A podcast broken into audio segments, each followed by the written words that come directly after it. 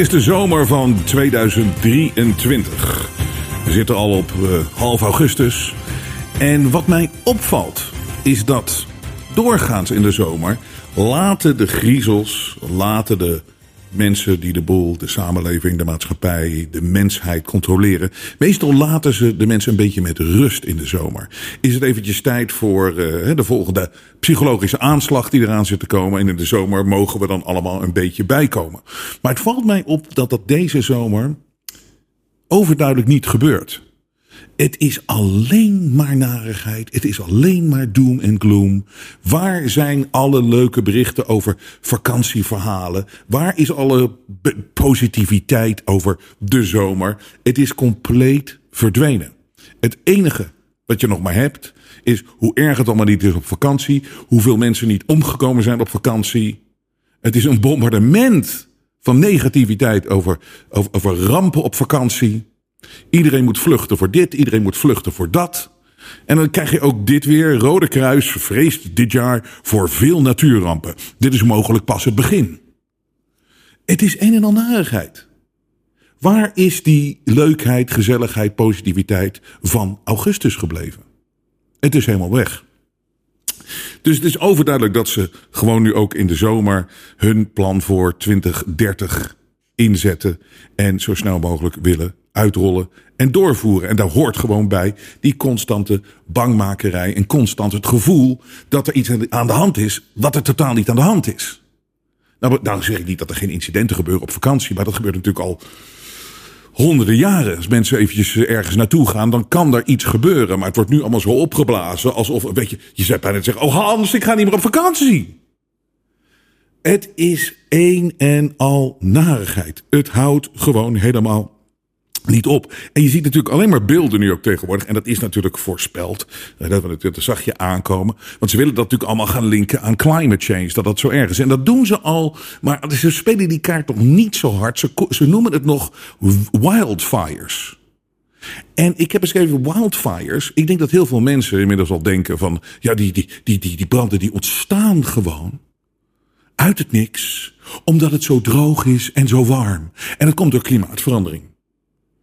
Dus het is tegenwoordig, je hoeft niet eens meer te zeggen tegen een groep mensen van. Uh, dat brand, de brand uh, is uh, door climate change. Want mensen leggen die link dus zelf al, omdat het ze onderbewust zo vaak verteld is. Het is zo droog, het is zo warm, het is zo gevaarlijk. En er ontstaan opeens heel veel branden. Terwijl die branden natuurlijk negen, nou ik wil bijna zeggen tien van de tien keer zijn aangestoken. Of er is iets gebeurd wat te verklaren is, waardoor die brand er is. Een, een wildvuur. Wat is nou weer een wildvuur? En ik heb het even opgezocht wat de definitie nou is van wildvuur. En een van de dingen is, wat ze zeggen is, het is, het is een uncontrolled fire. Met andere woorden, ongecontroleerd vuur. On, ongecontroleerd brand. Ongecontroleerde brand. Maar wat betekent dat nou eigenlijk, ongecontroleerd? Is dat niet gewoon een ander woord van het is ontstaan door, niet door mensen, het is ongecontroleerd. Het ontstond opeens. Ja, maar dat kan helemaal niet. Het is daadwerkelijk gewoon niet mogelijk dat opeens iets in de hens springt. Ook al is dat zo warm, want dan zou hetzelfde zijn als je, je buiten een, een, een, zeg maar, je hebt je ijsje opgegeten en je legt wat stokje neer en het is dicht in de zon, dat het opeens in de brand gaat vliegt. Dit soort dingen gebeuren niet. Het is altijd aangestoken. Maar het narratief wat ze eromheen creëren is gewoon dat het, het ontstaat gewoon. En wat is daar nou de reden voor? Nou, de Rode Kruis vreest dit jaar nog voor veel meer natuurrampen. Ook gezellig, hè? Om dat te horen. Veel meer natuurrampen. Door klimaatverandering staat hier echt daadwerkelijk, jongens, op nu.nl. Door klimaatverandering, en daar zeggen ze dus wel, maar dit is gewoon niet aantoonbaar, dat is gewoon niet waar. Maar door klimaatverandering en natuurverschijnsel El Nino is volgens het Rode Kruis een rampjaar op komst. Het is één en al narigheid op onze mooie planeet, die gewoon constant verstoord wordt door mensen die spelen met maar één ding: angst bangmakerij om mensen te controleren, om het gedrag van mensen te beïnvloeden. Door klimaatverandering en El Nino is een komst. Hier, in grote delen van de wereld heeft het effect op het weer. Zo is er door El Nino in veel delen van de wereld kans op hitte en droogte. Oh, hitte en droogte hebben we nog nooit meegemaakt in de zomer. Hè? Sommige delen van Azië en Zuid-Amerika hebben juist meer kans op weer veel regenval. Oh, dat hebben we ook nog. En dat is ook climate change natuurlijk. Want natuurlijk, nooit veel regenval in, uh, in, mensen met een monsoonachtig, in landen met een monsoon-klimaat. Nee, het is allemaal heel nieuw. Het is allemaal heel anders. En het is allemaal heel zorgelijk. En het, eh, het komt door klimaatverandering en El Nino. Maar ook klimaatverandering. Niet onderbouwd, hoe dat nou kan dan, hè? Waarom? Terwijl het weer overal hetzelfde is. Het is altijd in het zuiden van Europa zo heet. Het is altijd regenachtig in Azië, zeker in deze tijd van het jaar. In Zuid-Amerika ook. Al met al. Oh, hier. meer, het, zal, het zal leiden tot meer overstromingen, de regenval. Al met al zet het Rode Kruis zich schrap voor een seizoen vol cyclonen, overstromingen en levensbedreigende hitte.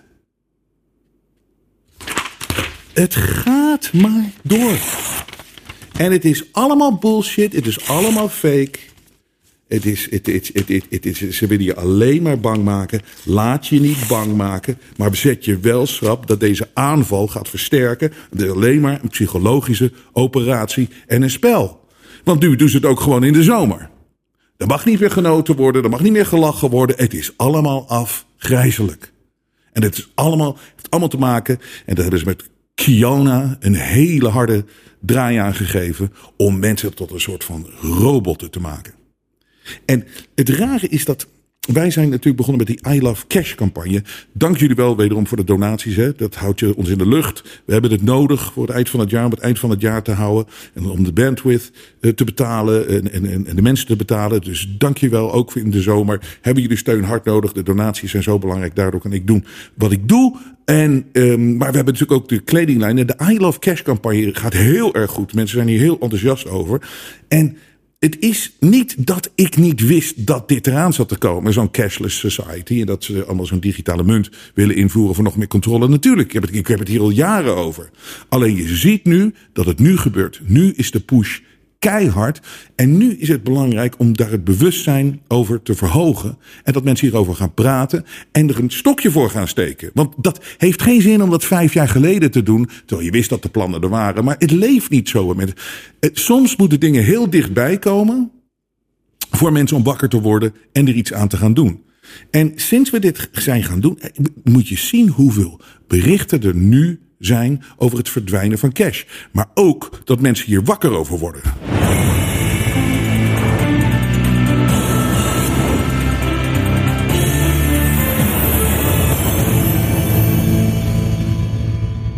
Want laten we eerst eens eventjes beginnen met um, hoe dicht we al bij natuurlijk een cashless society zijn. En we hebben het hier vaker over gehad. Wat het gevaar daarvan natuurlijk is. Is het al, als het allemaal digitaal is, kun je ook zo afgesloten worden. En ze kunnen er een social credit systeem aan hangen. Zoals in China, dat als je je niet gedraagt, hè, als iemand weer eens een wet uh, voorstelt en dat doorheen jaagt. Als je een keer een mening hebt wat niet past bij het narratief van een overheid, dan kunnen ze gewoon zeggen van oké, we sluiten je bank uh, uh, af of je geld, want de bank heeft eigenlijk dan ook geen rol meer. Het is allemaal binnen één centrale bank wordt het georganiseerd waar die overheden in zitten, maar die kunnen gewoon bepalen.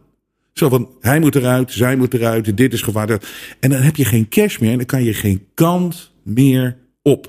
Je kan geen kant meer op. En uh, wereldwijd, kijk, we hebben in Australië gezien met die Kiona uh, wetgevingen die ze allemaal hadden en wat ze allemaal gedaan hebben, wat een verschrikkelijk land dat is. Uh, het is onvoorstelbaar wat daar gebeurde in die Kiona-tijd. Hardste lockdowns, hardste lockdowns. Maar vergeet ik niet dat ze daar Kiona concentratiekampen hadden. Hè? Het, is, het, is, het is soms schrikbarend hoe snel mensen dat vergeten zijn. Maar ze hadden Kiona-concentratiekampen. Ik heb je e-mails voorgelezen van mensen die in Australië woonden. die daadwerkelijk op de vlucht zijn gegaan. omdat ze hun kinderen aan het verliezen waren. of hun partner aan het verliezen waren. die dan positief getest waren op Kiona. en moesten naar een Kiona-concentratiekamp. Dat is Australië. Dat is Australië.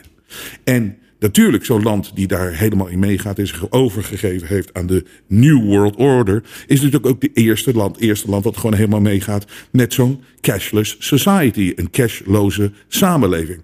Luister eens even naar dit uh, ja, toch zeer angstige nieuwsbericht. We've taken another step towards a cashless society. A big bank has confirmed customers in some locations can no longer withdraw money over the counter as branches continue to wind back services. It's up there with the pub with no beer, the bank with no cash.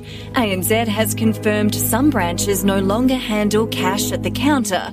Others are directing customers to smart ATMs for cash transactions.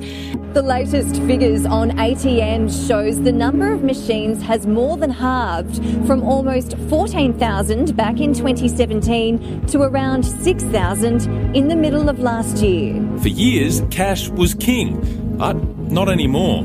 Hello there. I wondered if you had any change for a $50 note. No, I don't have any cash. don't use cash anymore these days? No, definitely not. No change at all. Never? Never. No. Dus deze mensen die zijn hier zo niet bewust van hoe gevaarlijk dat is. Dit zijn de mensen die ook in het begin meegingen met de hele corona-hoax, met de, met, de, met, de, met, de, met de vaccins. En dan langzaam wakker worden. Maar daar hebben we nu geen tijd voor om het eerst te laten gebeuren en dan wakker te worden. Want dan is het te laat dan is het te laat. En Australië is dus al zover. Mensen zijn al gebrainwashed. Nee, het is lekker handig allemaal. Het is, uh, ja, nee, we gebruiken geen cash meer. En niet nadenken. En wat er ook niet verteld wordt. Het gevaar daarvan. Het aparte aan het eh, geheel nu is, is dat je krijgt wel. Er is natuurlijk alternatieve media. Daar heb ik zo'n goed fragment uh, van. Die hier ook aandacht aan besteedt. En dat is een hele grote speler daarin. En die weet gewoon hoe gevaarlijk het is. En die kan mensen wakker maken hierover. En doet dat ook. En zo zijn er veel.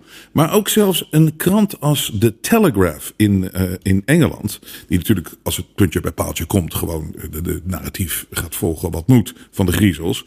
Um, maar die heeft, ik kwam dit artikel tegen. Waarom de klok tikt naar een cashloos Verenigd Koninkrijk. Het voortbestaan van papieren biljetten en munten op de langere termijn is onzekerder dan ooit. Maar dit vind ik een grappig verhaal. Want kijk, een, de belangrijkste reden waarom ze natuurlijk, uh, hoe ze het verkopen, dat we geen cash meer mogen gebruiken, is omdat er zoveel fraude is. Oh, het is zo gevaarlijk. En drugsbaronnen uh, gebruiken het om uh, hun levens te kunnen bekostigen. En dat is zo gevaarlijk. Er wordt altijd worden we bang gemaakt eerst met iets van. het is allemaal, het is allemaal zo, zo, zo illegaal aan het worden. En daar moeten we de goede mensen tegen beschermen.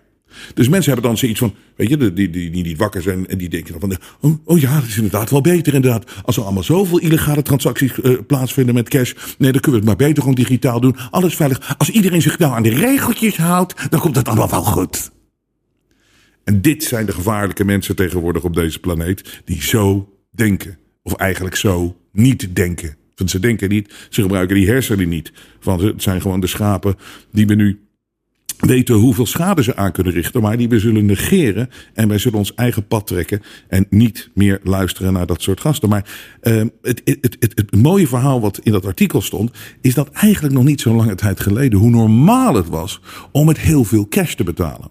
Dus dit is een, eh, een voorbeeld wat aangedragen wordt om, om te kijken, om te laten zien van dat het ook misbruikt kan worden, cash natuurlijk. Hè? En dat, dat, dat is wat dan de overheden altijd uh, hanteren als dit mag niet gebeuren en daarom is het maar beter om geen cash meer te gebruiken. Maar hoeveel cash er nog gebruikt werd.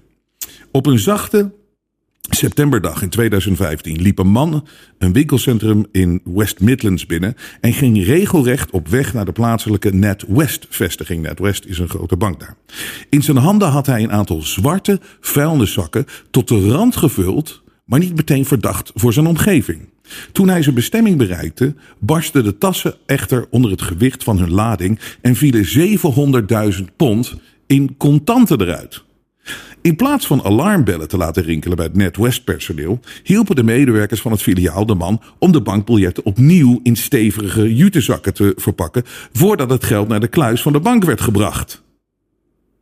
De enorme aanbetaling werd gedaan door juwelier Fowler Oldfield uit Bradford, die over een periode van vijf jaar meer dan 260 miljoen pond in contanten bij NetWest-vestigingen inleverde. Soms waren de hoeveelheden zo groot dat ze twee kamerhoge kluizen in de Warsaw-filiaal vulden en overtollige hoeveelheden elders moesten worden opgeslagen.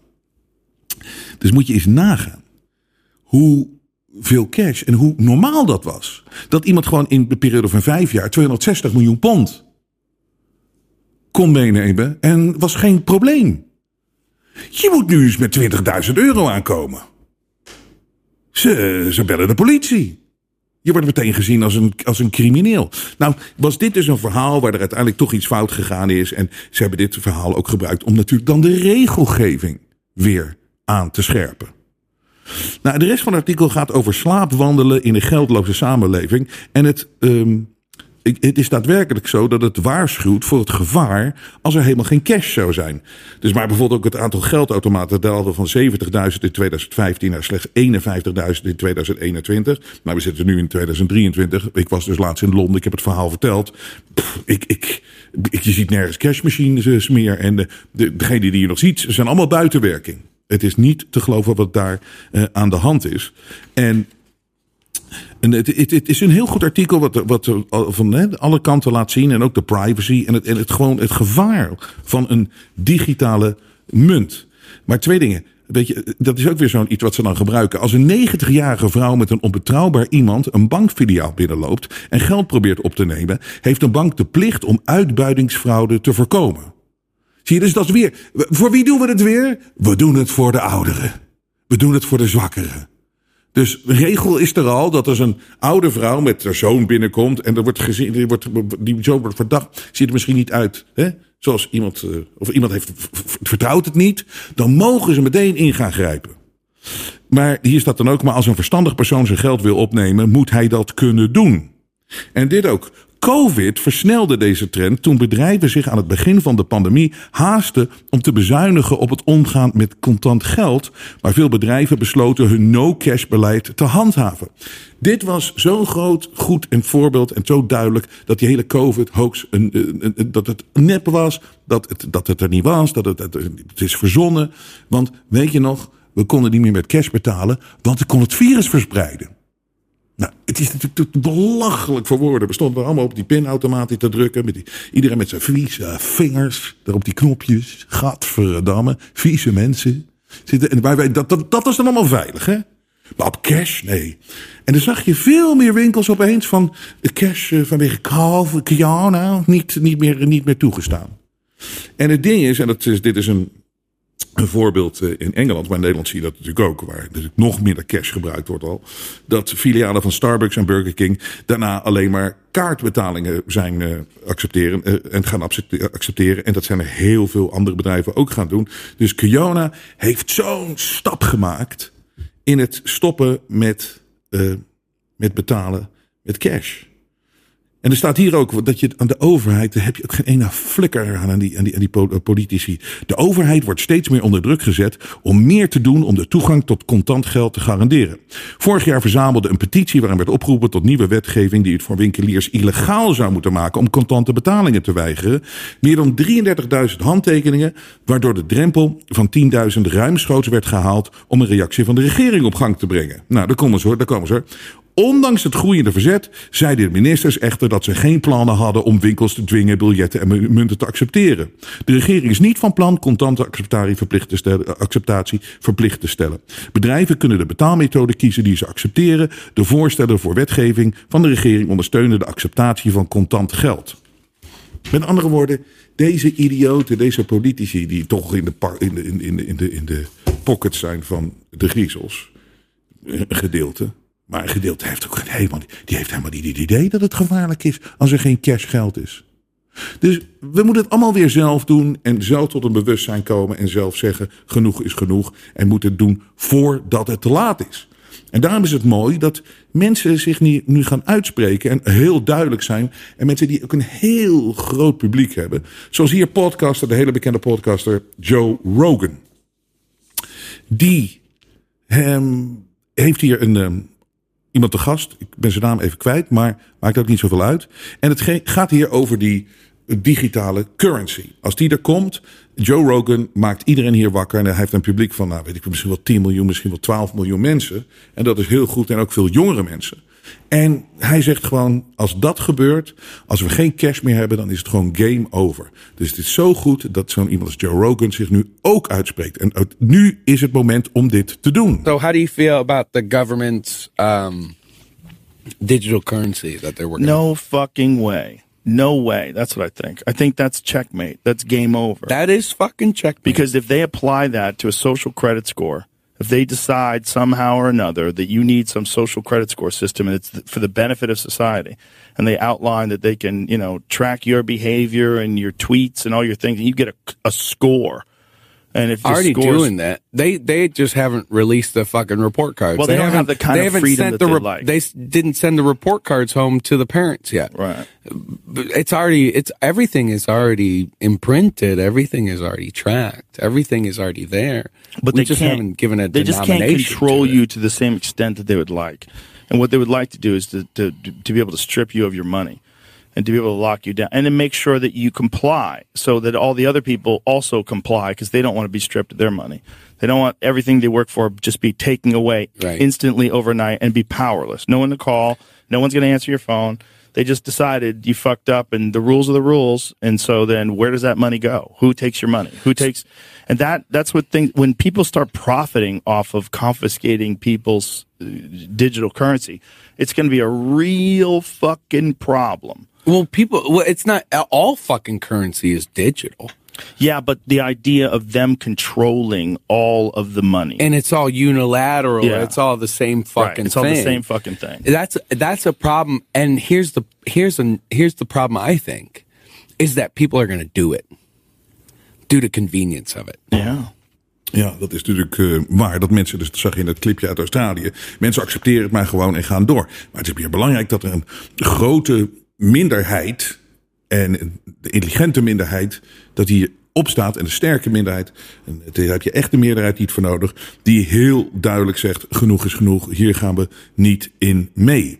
Maar het is dus eh, opvallend hoeveel mensen. ehm, andere mensen proberen wakker te maken nu. En dat is ook waarom we die campagne hebben. I Love Cash. Draag het t-shirt deze eh, eh, zomer. En ga de confrontatie aan met mensen. Want dat is het meestal. Het is meer een conversatie-trigger. eh, deze ca- campagne. Van, weet je, sommige mensen denken hier nooit over na. En dat pas, pas als ze het gaan doen, dan zien ze, oh, wauw, ja. En mensen zijn toch nu meer bereid om te leren over dingen die ze niet weten dan eh, voor de Kiona-periode. Omdat toch heel veel mensen gezien hebben dat ze erin gestonken zijn. En daarover gesproken. Ehm, begin 2020, toen dat Kiona opkwam, en zeker maart, april. Ik ben er vanaf dag één natuurlijk keihard ingegaan, dat weten jullie. Want ik wist gewoon, er is hier niks aan de hand. Waardoor wist ik dat? Omdat ik in het, nieuw, in het nu leef. En ik bekeek gewoon wat er op dat moment aan de hand was. En dan, ik interesseer me niet, je kan me modellen laten zien wat je wil, maar ik kijk eerst naar wat er nu aan de hand is. En het was overduidelijk dat er niks aan de hand was. En dat was zeker in april van 2020 over en over duidelijk. Het was gewoon de griep die ze een andere definitie hebben gegeven. En dat weten we nu ook helemaal zeker, omdat de griep helemaal uit de statistiek is verdwenen in die periode. Dus, en, en Kiona is ervoor teruggekomen, hetzelfde aantal doden, dezelfde mortaliteit. Het is overduidelijk het spel wat ze gespeeld hebben. Maar wederom om mensen angst... eh, angstig te maken, en bang te maken. Want dan kan je ze controleren en dan kan je al dit soort dingen. Bijvoorbeeld hè, dat cash-ding met cash verspreid co, Kiona. Het is allemaal een plan. Het is allemaal een plan. En het wordt allemaal uitgerold en ze doen het altijd met, met angst. Maar een van de meest frustrerende dingen voor mensen die, uh, uh, die zagen wat ik zag... Uh, is dat er zoveel mensen die beter hadden moeten weten... dat die natuurlijk in eerste instantie gewoon meegingen met het narratief. En toen natuurlijk wel wakker werden. En toen ze ging uitspreken van dat het allemaal veel te ver ging, de lockdowns. Maar een van de meest frustrerende dingen is, en voor mij ook, is dat mensen daadwerkelijk denken dat er een virus was. Want de, de, de, de grootste, de grootste magische truc die ze hebben uitgehaald, en psychologische truc die ze uitgehaald hebben, is dat ze daadwerkelijk door de media en door eh, fake pictures, die allemaal niet klopten, en narratieven en, en, en modellen en zogenaamde wetenschappers, eh, waarvan 80% ook niet weet waar ze het over hebben, die ook maar meegaan in narratieven. En natuurlijk de wetenschappers die wel wakker waren, nooit uitnodigen in die programma's, hebben ze een sfeertje gecreëerd van dat er daadwerkelijk een coronavirus, een levensgevaarlijk killervirus was. Het is hetzelfde met wat ik als eerder als voorbeeld heb eh, ge- genomen. Sinterklaas. Waarom gelooft een kind dat Sinterklaas bestaat? Omdat er een periode is in zijn leven en dat alles waar hij kijkt, heb je Sinterklaas. Je gaat naar de winkel, daar is Sinterklaas. Je kijkt televisie, daar is Sinterklaas. En we hebben natuurlijk ook te maken dan met ouders en een omgeving die niet vertelt dat Sinterklaas niet bestaat. Dus dit is exact waar mensen, volwassen mensen, helemaal zijn ingetrapt. Wat, wat shocking is. Maar ze zijn erin getrapt. Er is gezegd dat er Kiona was, maar ze hebben er niet lang, langer over nagedacht. Van, is dit zo gevaarlijk? En wat is het nou precies? En wat gebeurt hier nou? Wat is hier aan de hand? En dus mensen zijn- constant overal waar ze keken. Het was Kiona. Ik bedoel, het is een psychologisch bombardement. De kranten, eh, media, mensen op straat. Je kon niet meer eh, naar buiten op een gegeven moment natuurlijk. Hè, zodat je er niet over kon praten. Dus je, je werd constant maar gebrainwashed dat er iets was. Wat er uiteindelijk niet was. Er was geen killer virus. Maar dus die mensen die dan nog steeds. We zijn nu drie jaar verder. Dat er nog steeds mensen zijn. is super frustrerend. Die denken dat het uit een Wuhan lab, lab kwam. En dat is natuurlijk gewoon een heel slim psychologisch trucje. om een alternatief te verzinnen van mensen die wel zien dat het overdreven was en dat het niet klopte. Eh, maar die mensen moeten nog steeds om een of andere reden het idee hebben dat er iets was. Want er moet iets zijn. En het frustrerende is dat, voor mij, is dat er zoveel mensen zijn die zichzelf wakker noemen en die het zien, maar die, die, die, die met hun hoofd er niet bij kunnen dat er soms niks hoeft te zijn. Het kan alleen maar gecreëerd worden in de perceptie. Soms is er niks, maar het kan lijken. Puur showbiz, puur entertainment, puur verzonnen. Nou, we hebben natuurlijk nu de feiten allemaal dat er geen killervirus was. Ik heb nooit corona ontkend, omdat het coronavirus, nou oké, dat is er al sinds de jaren 60 of weet ik wat allemaal. Maar ik heb altijd gezegd, er is geen killervirus. En, en, en, de, de paniek en de angst, dat slaat nergens op. Dat is, dat is, het zijn modellen. Het is, en, en je- we zagen al heel duidelijk dat ze iets anders van plan waren. Maar langzaam maar zeker, na drie jaar, zijn zelf briljante mensen die, die hier goed over, die goed kunnen zien wat de plannen zijn erachter. Die ook weten dat het niet zo gevaarlijk was, dat het niet gevaarlijk was en dat er niks aan de hand was. Maar die hielden wel vast dat er misschien zo'n Wuhan Lab ding was en dat het ontwikkeld is en dat er wel een virus was. Eindelijk, en, en de beste, en daar ben ik zo blij mee, dat is Dr. David Martin. Hij is een, een, ehm, een gast die al zo lang. Hij, hij, hij zat er zo goed in, met zoveel lagen. Hij wist precies, hij kon je vertellen hoe waar Dr. Fauci en eh, wie dan ook de eh, patenten hadden aangevraagd en Gates voor vaccins al vele jaren geleden voor een coronavirus. Hij wist dat het nonsens was. Hij wist dat het nep was. Hij, hij, hij, hij, is, hij is briljant. Hij is ook bij de, uh, over de vaccins. Hij weet er alles van. Dr. David Martin. Het enige waar hij uh, fout ging en waar hij op het laatste... en daarom heb ik hem weinig behandeld, want ik kreeg zoveel e-mails. Kijk naar Dr. David Martin, die is fantastisch. Ik vind hem fantastisch. Het enige is waarom ik hem niet behandeld heb... en waarom ik, waarom ik, ik gek ervan werd... hij zei nog steeds, er was een virus. En hij dacht nog dat in Wuhan misschien, of dit, of zus... of de, de biologisch... Um, uh, wapen was. Dat is zo frustrerend voor mij. Maar eindelijk, eindelijk, en beter laat dan nooit, there was no SARS-CoV-2 disease. Just the symptoms and a branding campaign. Dus dit is het. Exact wat ze gedaan hebben. Hij, en hij geeft het nu eindelijk toe. Hij zegt dat dat is het laatste stapje wat ik misschien moest nemen. Helaas drie jaar laat, drie jaar te laat. Maar het maakt niet uit. Beter laat dan nooit, want hij heeft wel heel veel goed werk daarvoor verricht. Want hij wist dat het niet klopte. En hij wist ook dat het niet zo gevaarlijk was. En hij wist dat het plan erachter. Hij wist alles. Hij kon het goed uitleggen. Maar het laatste stapje heeft hij dus. Het laatste inzicht heeft hij dus nu ook gezien. There was no SARS-CoV-2 disease. Het was een aantal symptomen. Het was gewoon de symptomen van de griep. De griep is verdwenen uit de statistieken in die periode. En het was een marketingcampagne, een branding campaign. Hoe vaak heb ik dat die jaren niet uitgelegd? Van, het is de McDonald's restaurant uh, met een menu. En McDonald's staat al voor de griep. En dan doen ze een, een, een branding, een, een marketing of een verandering van de, de branding. En dan heet het niet meer McDonald's, maar heet McDougal's. En echt, misschien ziet het logo ziet er wat anders uit. Een M, maar dan ondersteboven. Maar je komt naar binnen en het eten is allemaal hetzelfde. Alles is hetzelfde. Dus, eh, alles is hetzelfde. Het product is precies hetzelfde. Het is alleen wat anders gebrand. En dat was het. Het was de griep geherdefinieerd of gerebrand, als het ware. En dokter David Martin ziet het nu ook. En onze goede vriend Dr. Michael Yeadon. Die heb ik ook natuurlijk hier in de, uh, de Jensen Show geïnterviewd. Uh, ik heb hem het erover gehad. Hij kon het toen nog niet helemaal toegeven. Ik zei van, het, het, het, hoeft alleen maar zo te lijken. Het hoeft niet zo te zijn. En hij zegt, eh, hij, hij zat er nog een beetje te twijfelen over. Hij durfde het niet te zeggen. Ik merkte wel aan alles aan hem dat hij dat ook wel zo zag en dat het wel was. Het enige wat hij zegt, het was, er was geen pandemie. Dat zei hij toen de tijd. Dat was natuurlijk heel belangrijk. En hij kon heel veel over Pfizer vertellen hoe dat werkte. Maar hij, heeft nu ook die laatste stap genomen.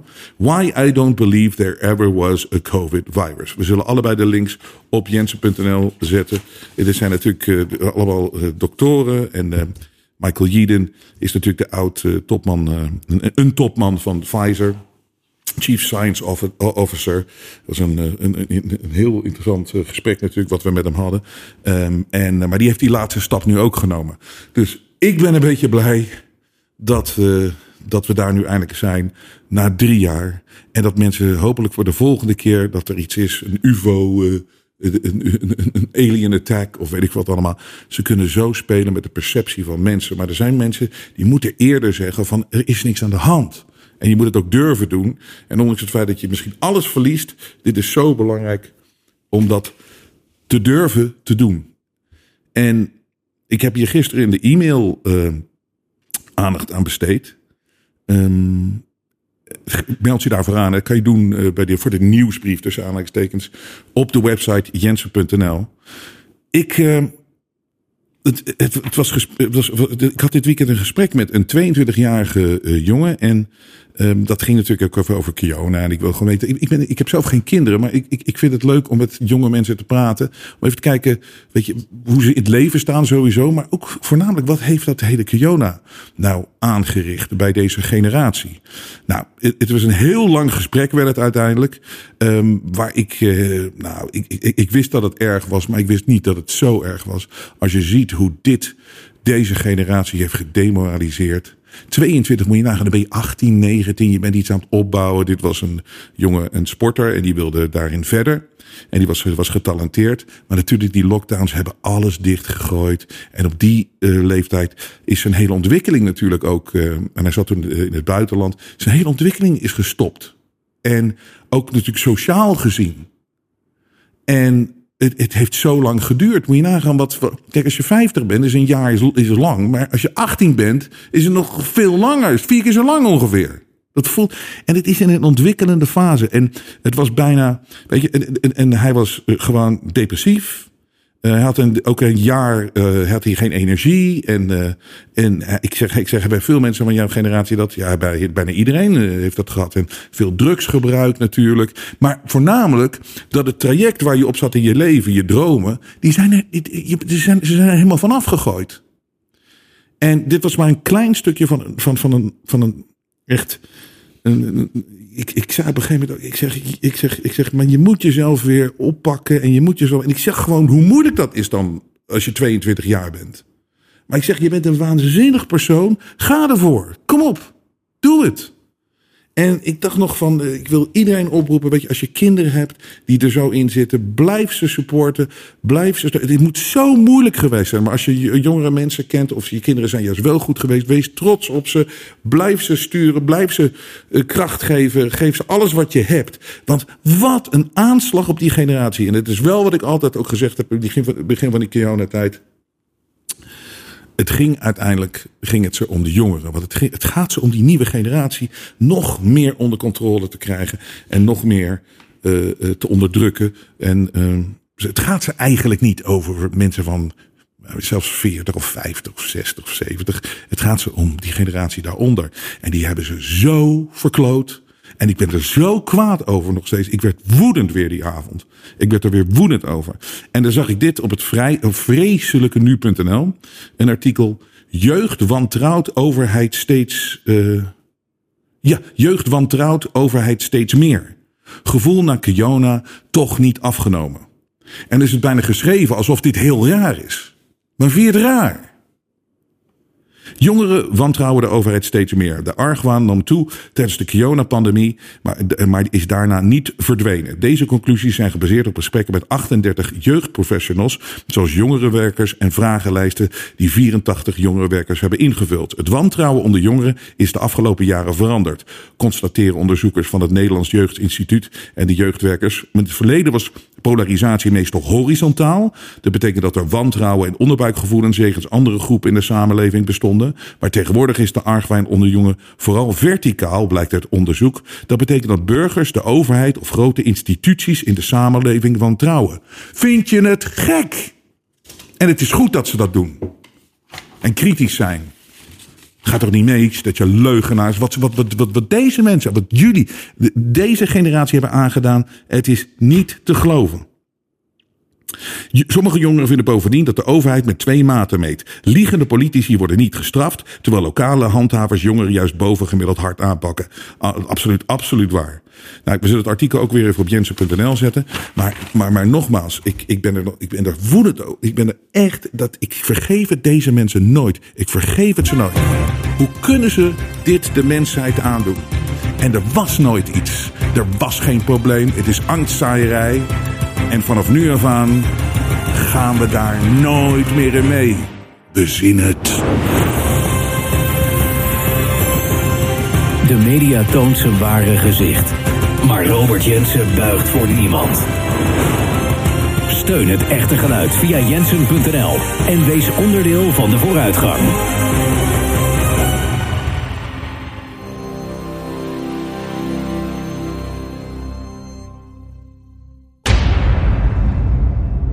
Zeg ook altijd van ik ga hiermee door tot de dag dat ik sterf. Of dat de schoen van de militair in mijn nek staat.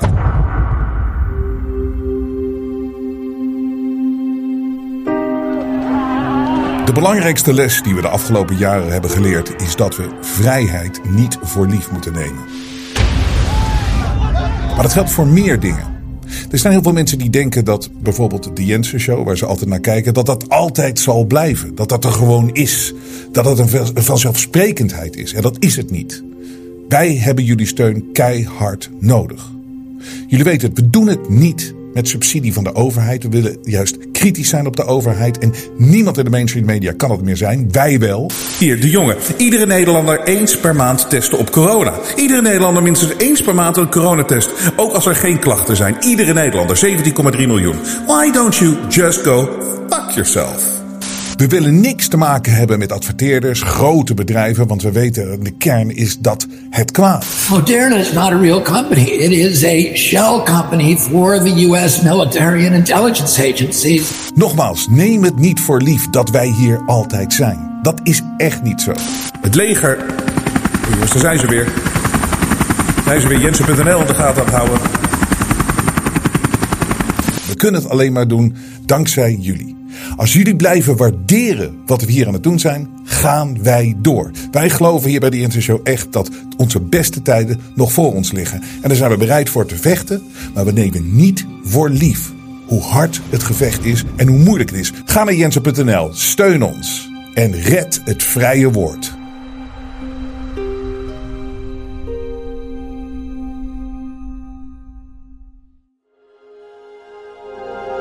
Vrije geluid laat zich niet censureren.